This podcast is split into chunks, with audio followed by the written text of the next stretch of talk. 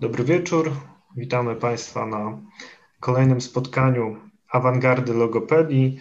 Jest to cykl rozmów z wybitnymi logopedami, neurologopedami, przede wszystkim wieloletnimi praktykami, którzy nierzadko wprowadzają swoje autorskie, nowatorskie metody terapii. Dzisiejszym gościem awangardy logopedii jest dr Mira Rzącka, neurologopeda, autorka wielu artykułów, książki Odruchy oralne u noworodków i niemowląt, projektu Frenulotomia Wsparcie Rodzica, Wsparcie Dziecka, pomysłodawczyni akcji społecznej logopedów Dzień Bezpłatnych Diagnoz Logopedycznych. Witamy. Dzień dobry, witam Państwa. Cieszę się, że udało nam się spotkać, ponieważ z moich obliczeń wynika, że cztery lata temu mieliśmy zrobić taki wywiad, mieliśmy spotkać się na rozmowę. Tak. Nie udało się wtedy. Znamy się jeszcze dłużej. Tego tym bardziej cieszę się, że e, mogę Cię dzisiaj gościć w awangardzie logopedii. E, no i kanwą naszej rozmowy, naszej dyskusji będzie Twoja publikacja wydana w wydawnictwie Impuls. Odruchy oralne u noworodków i niemowląt, diagnoza i stymulacja. I może na wstępie takie pytanie. E, poprosiłbym Ciebie, czym różni się noworodek od niemowlaka? E, przede wszystkim wiekiem, bo patrząc na, na, na tę kategorię, mamy do czynienia z noworodkiem do 28 doby, czyli 29 doba czy 30 doba życia dziecka, to już się zaczyna powoli okres niemowlęctwa e, wczesnego. Potem mamy ten okres niemowlęcy, on trwa do 12 miesiąca życia i po 12 miesiącu życia mamy już małe dziecko. To jest ten, ta, ten, ten podział czasowy. Natomiast rzeczywiście, y, patrząc na odruchowość y, u y, noworodków i niemowląt, no ona polega na dojrzewaniu, przekształcaniu się tych odruchów oralnych, z którymi dziecko przychodzi na świat, funkcje zmierzające do dalszego rozwoju tego, co dziecku będzie w przyszłości potrzebne, czyli rozwijania jedzenia, mówienia, pozycji spoczynkowych, czyli całej właściwej fizjologii y, oralnej, no i oczywiście tego, tego co jest podłożem pracy logopedów, wzorców artykulacyjnych. Mhm. E, a jakie są odruchy oralne u noworodków, a jakie są u niemowląt? Wiesz, każdy noworodek przychodzi już z, gotow z gotową bazą odruchową, więc y, te odruchy powstają w trakcie życia płodowego i po urodzeniu w zasadzie zdrowy noworodek nie powinien mieć absolutnie żadnych trudności z poborem pokarmu. I gdybym chciała popatrzeć na te odruchy i podzielić je w taki najbardziej prosty sposób, to mogłabym powiedzieć oczywiście o tych odruchach zewnętrznych, takich jak odruch szukania, odruchy wargowe i o tych odruchach wewnętrznych. Ale mi się bardzo podoba ten mm, pomysł podziału odruchowości oralnej na odruchy, które będą torowały jedzenie pobieranie pokarmu i te, które będą działały protekcyjnie. Czyli w tych odruchach, które będą torować jedzenie, mamy odruch szukania, odruchy wargowe, odruch lizania, odruch lateralny i odruch ssania i połykania. Natomiast w tej odruchowości obronnej, e, w tych protekcyjnych odruchach mamy odruch wypychania, mamy odruch kąsania, i odruch y, gardłowy, czyli odruch wymiotny. No jeszcze oczywiście mówimy o odruchu kaszlowym. I teraz problem polega na tym, żeby te wszystkie odruchy współpracowały ze sobą, czyli żeby one były tak normatywnie rozwinięte u malucha, żeby na bazie i tych, które torują, i tych, które, które mają funkcje protekcyjne, dziecko mogło bezkolizyjnie przyjmować pokarm. Mhm.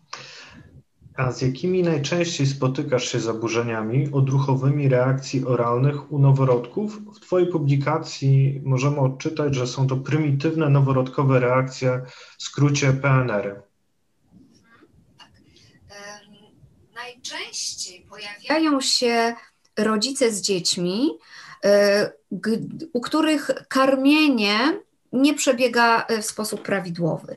Więc to są i noworodki, i niemowlęta, które mają dużą trudno, trudność w poborze pokarmu. Bardzo dużą grupą jest właśnie grupa dzieci z obniżonym odruchem ssania. Duża kolejna grupa to są dzieci, u których e, odruch kąsania jest wygórowany, czyli jest za silny i uniemożliwia swobodne pobieranie mm, mleka z butelki czy z piersi mamy. No i też mamy taką grupę dzieci, u których ten odruch e, wymiotny osadzony jest albo za mocno i wtedy uniemożliwia przyjęcie pokarmu, albo za słabo jest osadzony, czy w ogóle go nie ma, i wówczas rzeczywiście mamy grupę dzieci, u których obserwujemy różnego rodzaju incydenty w jedzeniu, takich, takie jak krztuszenie się, mm, czyli aspiracje w trakcie jedzenia. I w zasadzie to jest ta grupa chyba najbardziej zaburzonych y, odruchów. Oczywiście jest to rzecz bardzo zależna od tego, Y, y, co prezentuje y, dziecko, jaką dojrzałość neurologiczną prezentuje dziecko, jak przebiegała ciąża, jak wyglądał poród malucha i jak wyglądały pierwsze, pierwsze karmienia i, i jak, jaki był przebieg tych pierwszych trudności w karmieniu. Tak? Ja zawsze powtarzam takie słowa, że jesteśmy tacy, jakie mamy doświadczenia, więc jeżeli dziecko będzie w trakcie ssania miało negatywne doświadczenia, bo na przykład będzie bardzo często aspirowało pokarm, co będzie doprowadzało do kaszlu i nie daj Boże do zachłystowego zapalenia płuc, albo ssanie będzie dla niego bolesne, bo na przykład ma nieprawidłową konstrukcję w obszarze podjęzykowym, no to wówczas zacznie prezentować nam określone zachowania, które są zawsze strategią dziecka uniknąć trudności. I tak najczęściej jest, że te zachowania, które my widzimy po stronie dzieci, odginanie się, płacz, y, zasypianie w trakcie karmienia, są sygnałami, które wysyła nam dziecko: jedzenie jest dla mnie za trudne. Mhm. To bardzo interesujący temat. W Twojej książce możemy odczytać, że do najczęstszych zaburzeń anatomicznych należy ankyloglosja. Chciałem Cię zapytać, czym jest ankyloglosja? Ankyloglosja jest nieprawidłową konstrukcją wędzidełka języka. Mamy oczywiście w jamie ustnej jeszcze oprócz wędzidełka języka mamy wędzidełko wargi górnej, wędzidełko wargi dolnej i wędzidełka policzków. E, niemniej jednak e, wtedy nie używamy sformułowania ankyloglosja, tak? tylko mówimy o nieprawidłowej konstrukcji e, tamtych wędzidełek. Ankyloglosja, pojęcie to dotyczy tylko i wyłącznie struktury języka i jest po prostu nieprawidłową budową tego fałdu podjęzykowego. Bardzo często spotykamy się obecnie z tym problemem. E, on ma niesamowite podłoże, mhm. ponieważ e, wiadomo, że mm, język i te struktury e, żuchwy i szczęki górnej rozwijają się w trakcie życia płodowego bardzo wcześnie. Ja się często spotykam z takim sformułowaniem, że mamy teraz modę na wędzidełka. I wielu rodziców tak, tak mówi, i co więcej, wielu rodziców na przykład rezygnuje z, pro, z tego zabiegu uwolnienia języka, czyli z procesu y, y, jak gdyby takiego podchodzenia stopniowego, przygotowania do zabiegu i uwolnienia, ponieważ mamy modę na wędzidełka.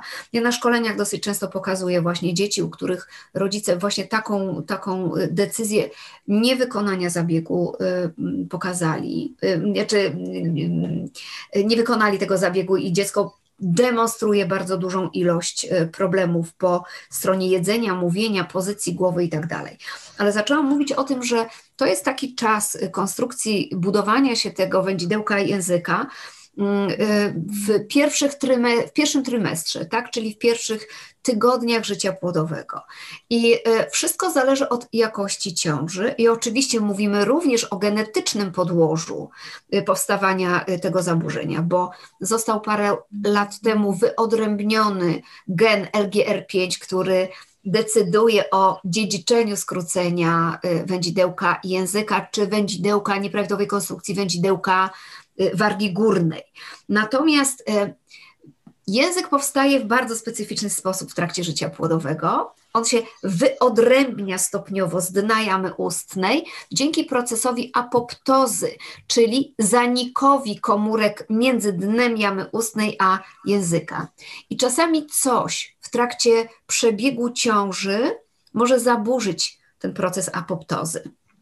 Bardzo często y, są to y, infekcje u mamy, infekcje wirusowe, infekcje, infekcje bakteryjne, dosyć często y, farmakoterapia, stres, tak, czyli ta oś noradrenalinowo-kortyzolowa również może, może być takim przyczynkiem do niepełnego wyodrębnienia się mm, języka z dna y, jamy ustnej. A język po urodzeniu musi pełnić swoją funkcję. Bo pamiętajmy, że w trakcie życia płodowego mamy ssanie nieodżywcze, natomiast w późniejszym czasie dziecko po urodzeniu, w zasadzie 2-3 godziny po, po urodzeniu, powinno prezentować normatywny, żywy odruch ssania. I teraz, jeżeli to wędzidełko jest skrócone, to pamiętajmy, że nie będzie pełnego ruchu sącotłoczącego, y, on będzie znacznie ograniczony. Ograniczona będzie mobilność mięśni języka, będzie zaburzona również praca mięśni zewnętrznych języka, nieprawidłowa pozycja spoczynkowa języka. Tak jakby, zobacz, wędzidełko skrócone niesie z sobą cały szereg y, konsekwencji, które się będą stopniowo pojawiały w rozwoju dziecka. Ale to, co jest dla mnie bardzo ważną rzeczą y, przy ankyloglosji, to jest to, że dziecko próbując y, pobrać pokarm, wysać go z piersi mamy czy z butelki, a nie mogąc tego robić, ponieważ mamy brak mobilności mięśni języka, zaczyna budować kompensację, czyli no bo jakoś ten pokarm musi wytłoczyć, prawda? Więc zaczyna uruchamiać bardzo często mięsień okrężny warg, wargi są napięte, czasami aż są zaczerwienione. Czasami na górnej wardze pojawia się taki pęcherzyk skórzasty, czyli taki, taki blister. Karmienie mm, jest dla mamy wtedy bardzo trudne. Trudne jest emocjonalnie, bo mama, pamiętajmy, też ma taką huśtawkę hormonalną na samym początku i wszelkie porażki w karmieniu piersią no, są dla niej y, trudne. Natomiast y, pamiętajmy, że w momencie, kiedy dziecko uruchomi sobie taki mechanizm jak podniesienie odruchu kąsania, żeby wydobyć ten pokarm jakoś z piersi, to będzie to bardzo um, bolesne dla mamy i wtedy będą się pojawiały i stany zapalne piersi i różnego rodzaju jeszcze inne, y, inne y, rzeczy. A karmienie przecież ma być takie fajne, tak? Korzystne dla mamy, dla dziecka, ma być błogostanem, ma być bliskością, y, a nie walką o to, żeby dziecko zjadło y, cokolwiek. I powiem, że to wędzidełko mm, niezaopiekowane bardzo często staje się podłożem y, takiego braku odwrażliwienia śluzówki wnętrza jamy ustnej. I to z kolei będzie nam implikowało trudności w rozszerzaniu diety y, po szóstym miesiącu. No i oczywiście już nie mówię o wzorcach artykulacyjnych, które muszą budować się od samego początku w sposób prawidłowy u dziecka. Więc mobilność języka, zobacz, język musi dotrzeć we wszystkie zakamarki jamy ustnej. Wykonując ruchy różnego rodzaju, kontrolujące, czyszczące, te ruchy czyszczące są tutaj bardzo, bardzo ważne, ponieważ język rozprowadza ślinę, a w ślinie zawarte są y, substancje, które są antybakteryjne, które są przeciwbólowe dla, dla naszej, naszej śluzówki. I z moich obserwacji wynika u dzieci starszych, u których diagnozujemy skrócenie wędzidełka języka, no spore zaawans, czasami nawet zaawansowaną próchnicę ze względu na ten brak mobilności i wykonywania ruchów czyszczących w jamie y, ustnej. Mieszanie kęsa pokarmowego, przekładanie kęsa pokarmowego z jednej strony na drugą, przecież to się nie dzieje samo. To jest wykonywane za pomocą ruchów języka, który musi być w pełni mobilny. Natomiast jeżeli nie jest, bo skrócenie wędzidełka mu zaburza tę mobilność, no to należy podjąć, szukać rozwiązań innych to jeszcze tak dopytam, czyli jeżeli podczas karmienia piersią matka odczuwa pewien dyskomfort, to może być to e, właśnie skrócone wędzidełko u dziecka? Oczywiście może, oczywiście to nie musi być jedyny powód tak, do, do, do tego dyskomfortu, do tego bólu, ale obserwując karmienie, bo dlatego w naszej pracy y, bezwzględnie patrząc na dziecko, ja nie mogę skupić się tylko i wyłącznie na długości wędzidełka. Muszę popatrzeć, jak wyglądają funkcje, odruchy i funkcje oralne. Muszę zobaczyć, jak wygląda ssanie y, nieodżywcze, ale muszę ocenić przebieg procesu karmienia. Więc to, co czasami widzę w, przy mm, karmieniu, to, co odczuwają mamy, jaki dla nich to jest ból, dyskomfort, y, czasami łzy cieknące po policzku z bólu, bo mama bardzo chce karmić piersią. Natomiast tu jeszcze taki kawałek o tej modzie na wędzidełka, Y, chcę powiedzieć, że w tej chwili wracamy od, od wielu, wielu lat już, bodajże chyba od 10 czy 9 lat zaczął się taki boom z powrotem na y, karmienie naturalne, karmienie y, piersią. Pamiętajmy, że zabieg frenulotomii, pisze o tym Alison Hazelbaker w, w swoich publikacjach, że zabieg i, i Katerina Watson-Jenna, że kiedyś zabieg frenulotomii był zabiegiem częstym, jeżeli karmienie było zaburzone. Natomiast potem wyszło karmienie butelką. I jeżeli masz trudność w karmieniu piersią, zawsze masz do dyspozycji doskonały pokarm sztuczny. Tak? Czyli w momencie, w tych latach 50., 60., 70., była z kolei moda na karmienie sztuczne. Teraz wracamy do tego i dostrzegamy wielokrotnie właśnie ten problem wędzidełkowy, ujawniający się przy pierwszych próbach y, karmienia, bądź też u dzieci starszych, które zmieniają bardzo szybko wymiar twarzoczaszki. Bo popatrzmy, że noworodek ma niewielką jamę ustną i nawet przy skróceniach wędzidełka on może sobie radzić z tym ssaniem aczkolwiek dla nas ono też nie będzie normatywne, jeżeli się temu przyjrzymy. Natomiast w późniejszym czasie dziecko sześciomiesięczne ma znacznie zwiększony wymiar pionowy poprzeczny i do przedniej twarzoczaszki. I te ruchy języka, które były wystarczające i adekwatne dla tego wieku noworodkowego czy wczesno-niemowlęcego, mogą być już za trudne dla dziecka w wieku 6, 7 czy 8 y, miesięcy. Mhm. Czyli e, jak logopeda bądź neurologopeda zdiagnozuje takie zbyt krótkie wędzidełko, skieruje rodzica z dzieckiem do chirurga. Chirurg stwierdzi, że należy podciąć takie wędzidełko. Chciałem Cię zapytać, e,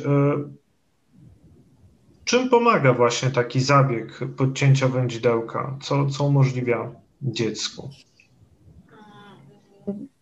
Do chirurga, ale również mamy też całą grupę już y, stomatologów, którzy to robią. Mamy grupę pediatrów, którzy podcinają wędzidełka języka mhm. i czy, czy wędzidełka y, wargi y, górnej. Zazwyczaj jest tak, że my opisując dziecko, czyli dziecko wychodzi od nas, mama wychodzi z opisanym problemem dziecka, to jest jak gdyby takim mm, podłoże do, do podjęcia decyzji o um, frenulotomii, czyli podcięciu y, wędzidełka języka, że w tej diagnozie pokazujemy wszystkie trudności, które widzimy po stronie, y, po stronie dziecka. Więc natomiast wybór, czy, czy podcinamy, czy nie, to oczywiście zawsze leży po stronie dziecka, po stronie, przepraszam, rodzica. Natomiast rodzic musi być bardzo, bardzo świadomy, tak, co się stanie, kiedy podetniemy wędzidełko, ale czyli musi znać wszystkie konsekwencje przed podcięciem i też co się stanie mm, w momencie, kiedy nie podetniemy y, wędzidełka. E, projekt, y, projekt, który opracowywałam, y, jest projektem, który mm, daje rodzicom szansę przygotowania takiego bezkolizyjnego dziecka do y, tego zabiegu frenulotomii, a zabieg frenulotomii jest po prostu uwolnieniem języka i daniem mu właściwej mobilności do wykonywania ruchów ssąco-tłoczących. Wiemy, że język przy ssaniu powinien podnieść brodawkę i docisnąć ją do tej przedniej części podniebienia, bo tam się odbywa tłoczenie pokarmu. Język nie leży płasko w trakcie ssania.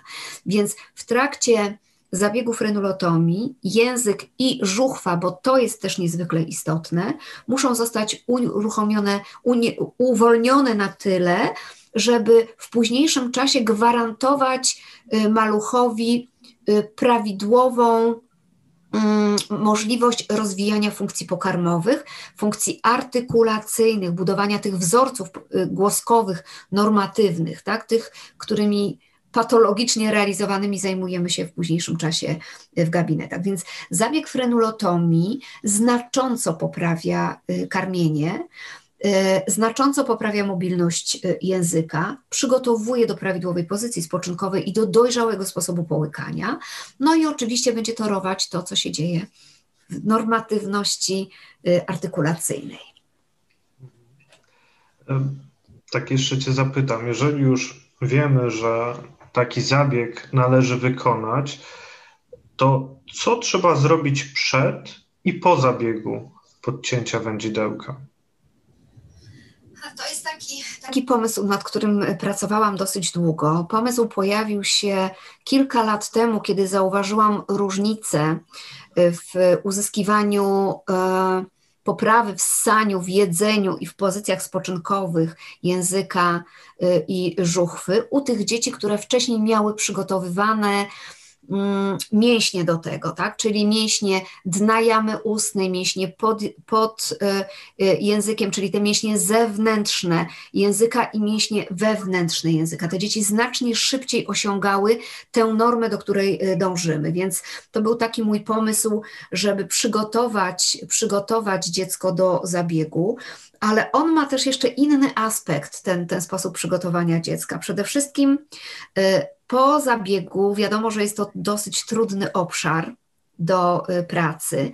W momencie, kiedy my przygotujemy dziecko do obecności naszych palców w jamie ustnej, do y, odpowiedniej, bardzo delikatnej manipulacji, to po zabiegu znacznie łatwiej będzie nam wdrożyć te wszystkie ćwiczenia, które trzeba wykonywać. Oczywiście jest cała grupa zwolenników wykonywania ćwiczeń po frenulotomii, oczywiście jest cała grupa, która mówi, nie trzeba wykonywać, to wszystko się samo poukłada. Pamiętajmy, że odruch ssania i te, te wszystkie struktury kształtują się bardzo wcześnie w trakcie e, życia płodowego, więc e, jeżeli dziecko nigdy nie miało mobilności właściwej e, języka, to skąd ono ma sobie wypracować tą, tę normatywność, prawda? Jeżeli w korze ruchowej, w korze czuciowej nie mamy tego wzorca, wzorca ruchu. To jest jedna rzecz. Mm, po drugie, właśnie wczoraj, wczoraj koleżanka mi e, pokazywała mm, podcięte e, wędzidełko u swojego e, syna, jak ono wyglądało 12 godzin po podcięciu. 12 godzin po podcięciu, kiedy, kiedy dziecko się obudziło, język był przyklejony i zamiast tego, tego takiego rąbu pod językiem po podcięciu była biała kreska, czyli zaczęła się pojawiać ziarnina sklejająca, przyklejająca język do dna jamy ustnej. To jest rzecz, którą my dosyć często widzimy, że te, te mm, dzieci, u których nie było tego zaopiekowania, to są dzieci, u których dosyć często pojawiają się wzrosty. Tak, czyli zabieg przeprowadzony nie nie spełnił swojej funkcji, ponieważ nie uzyskaliśmy pełnej e, mobilności języka, bo jej nie ćwiczyliśmy. Zobaczcie, że to, co się dzieje w jamie ustnej, tkanka jamy ustnej, mięśnie jamy ustnej są tkanką, która powstała z ektodermy. To znaczy, że goi się bardzo szybko, ale tym się różni od pozostałych mięśni naszego ciała, że w tej grupie pojawiają się znacznie częściej zwapnienia i zwłóknienia i wzrosty. Więc znając jak gdyby to podejście, tak, y, tkanka ektodermalna i tkanka endodermalna, wiemy, że tu się będzie goiło w jamie ustnej bardzo szybko, ale niekoniecznie zgodnie z tym, jak my byśmy sobie tego życzyli po zabiegu. No właśnie, a czy zabieg frenulotomii jest bardzo bolesnym doświadczeniem dla dziecka? Czy jest to zabieg inwazyjny? No jak cała chirurgia. chirurgia jest zawsze inwazyjna i tutaj innej opcji e, nie ma. E, no z całą pewnością jest to, jest to zabieg e, bolesny. Oczywiście mm, powinien być wykonywany ze znieczuleniem takim przynajmniej miejscowym, żelowym, e, żeby dziecko odczuło jak najmniejszy dyskomfort. Doskonałą rzeczą jest przystawienie dziecka do piersi. Zaraz mówimy o noworodku i, i wczesnym niemowlaku czy, czy niemowlaku, jeżeli jest karmiony piersią, przystawienie go do piersi, ponieważ wtedy ten wypływ oksytocyny działa doskonale przeciwbólowo wyciszająco Pamiętajmy o tym, że wszyscy są w stresie. Mama jest w stresie, tato jest w stresie, dziecko jest w stresie. Natomiast stres to jest adrenalina, a oksytocyna jest z kolei antagonistą adrenaliny, więc bardzo fajnie wycisza nam Y, malucha. No, nie jest to zabieg, y, że tak powiem, taki y, mało inwazyjny. Ja jeszcze jedną uwagę mm, przywiązuję do czasu wykonania tego zabiegu. Pamiętajmy, że u noworodka, niemowlaka, wczesnego niemowlaka czy, czy niemowlęcia, nie mamy do, do czynienia z takim czynnikiem emocjonalnym prawda, który się pojawia. Mm -hmm. I e, niedawno miałam taką mamę w gabinecie, która powiedziała: Miałam prawie 4 lata, jak podcięto mi wędzidełko, trzy osoby mnie trzymały. Czyli ten aspekt emocjonalny strachu, przeżycia, stresu, potężnego stresu, no, ma tu niebagatelne, niebagatelne znaczenie i ma również znaczenie dla jakości wykonania zabiegu. No, nie, nie oszukujmy się.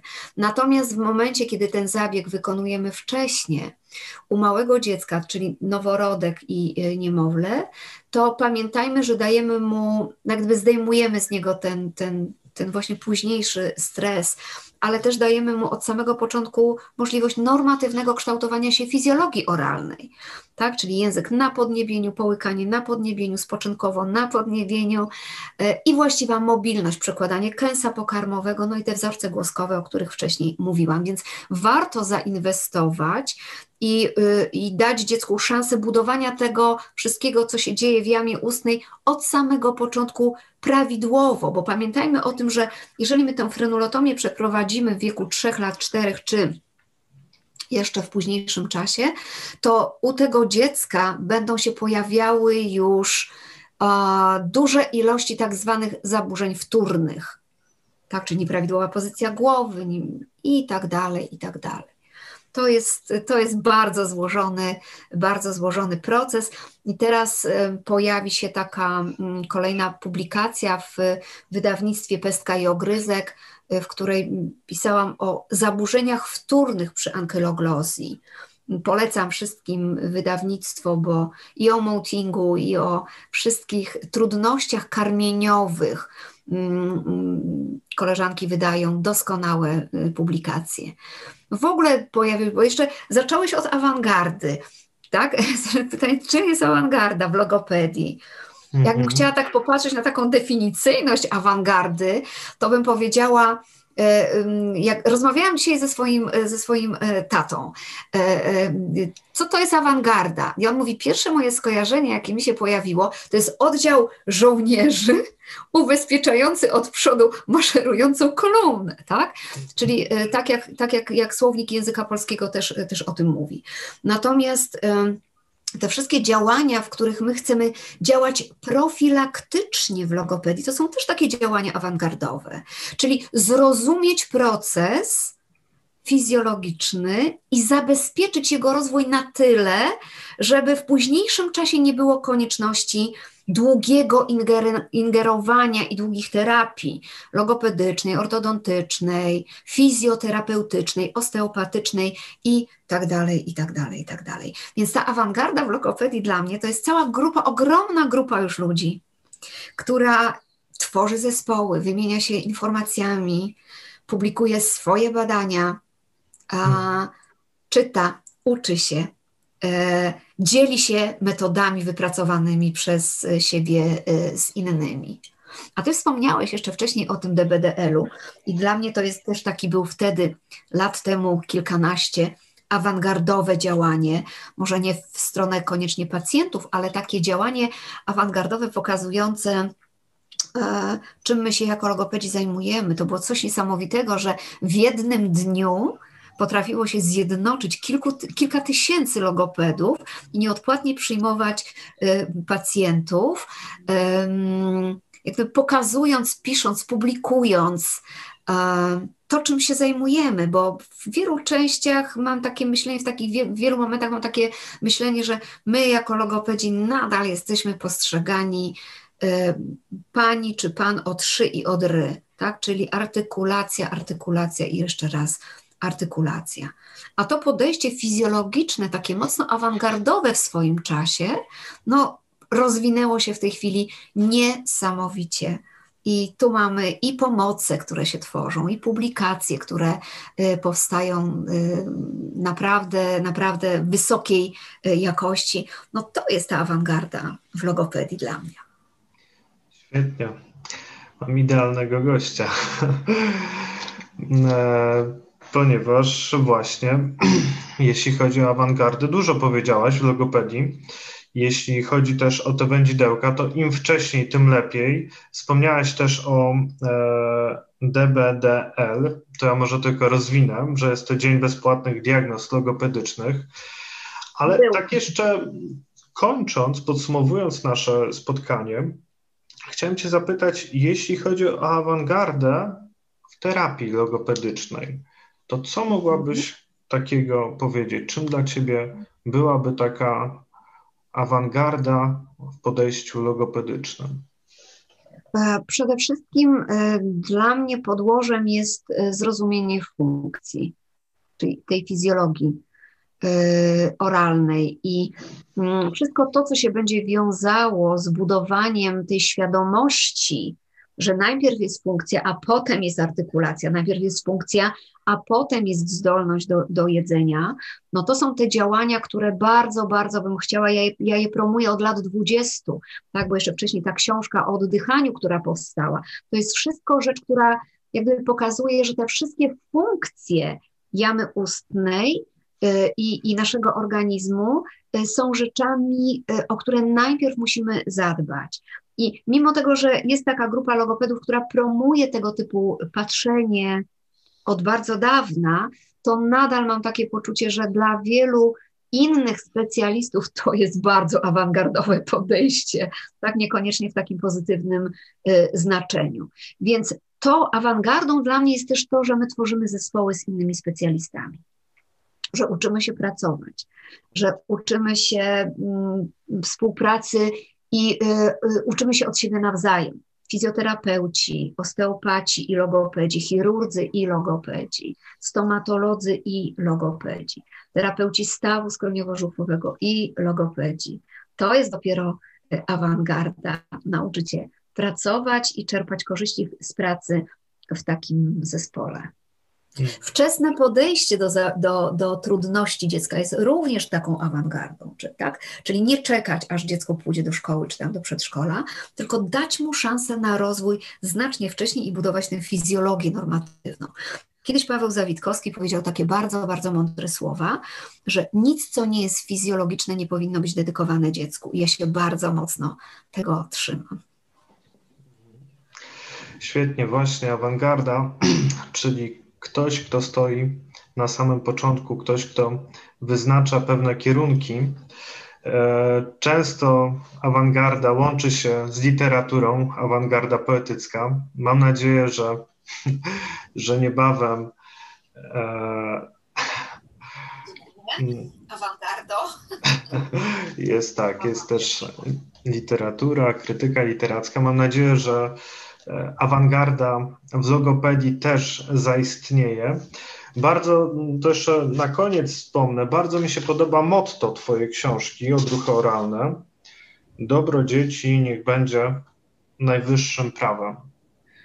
I może tymi właśnie słowami byśmy zakończyli. Natomiast jeszcze pokażę Państwu okładkę e, projektu frenulotomii autorstwa dr Miry Rząckiej. E, tak ta okładka wygląda. Te publikacje Państwo będziecie mogli pobrać e, ze strony dr Miry Rząckiej. Link. Tak, link na pewno będzie na dole. Natomiast jeśli chodzi o książkę Odruchy oralne, także będzie link, abyście Państwo mogli zakupić te publikacje w wydawnictwie Impuls. To ja bardzo serdecznie, gorąco Tobie dziękuję za tę budującą rozmowę. Doktor, doktor Mira Rząska, część awangardy logopedycznej, była naszym gościem. Do Dziękuję zobaczenia. bardzo. Dziękuję. Dziękuję, do zobaczenia. Mm-hmm.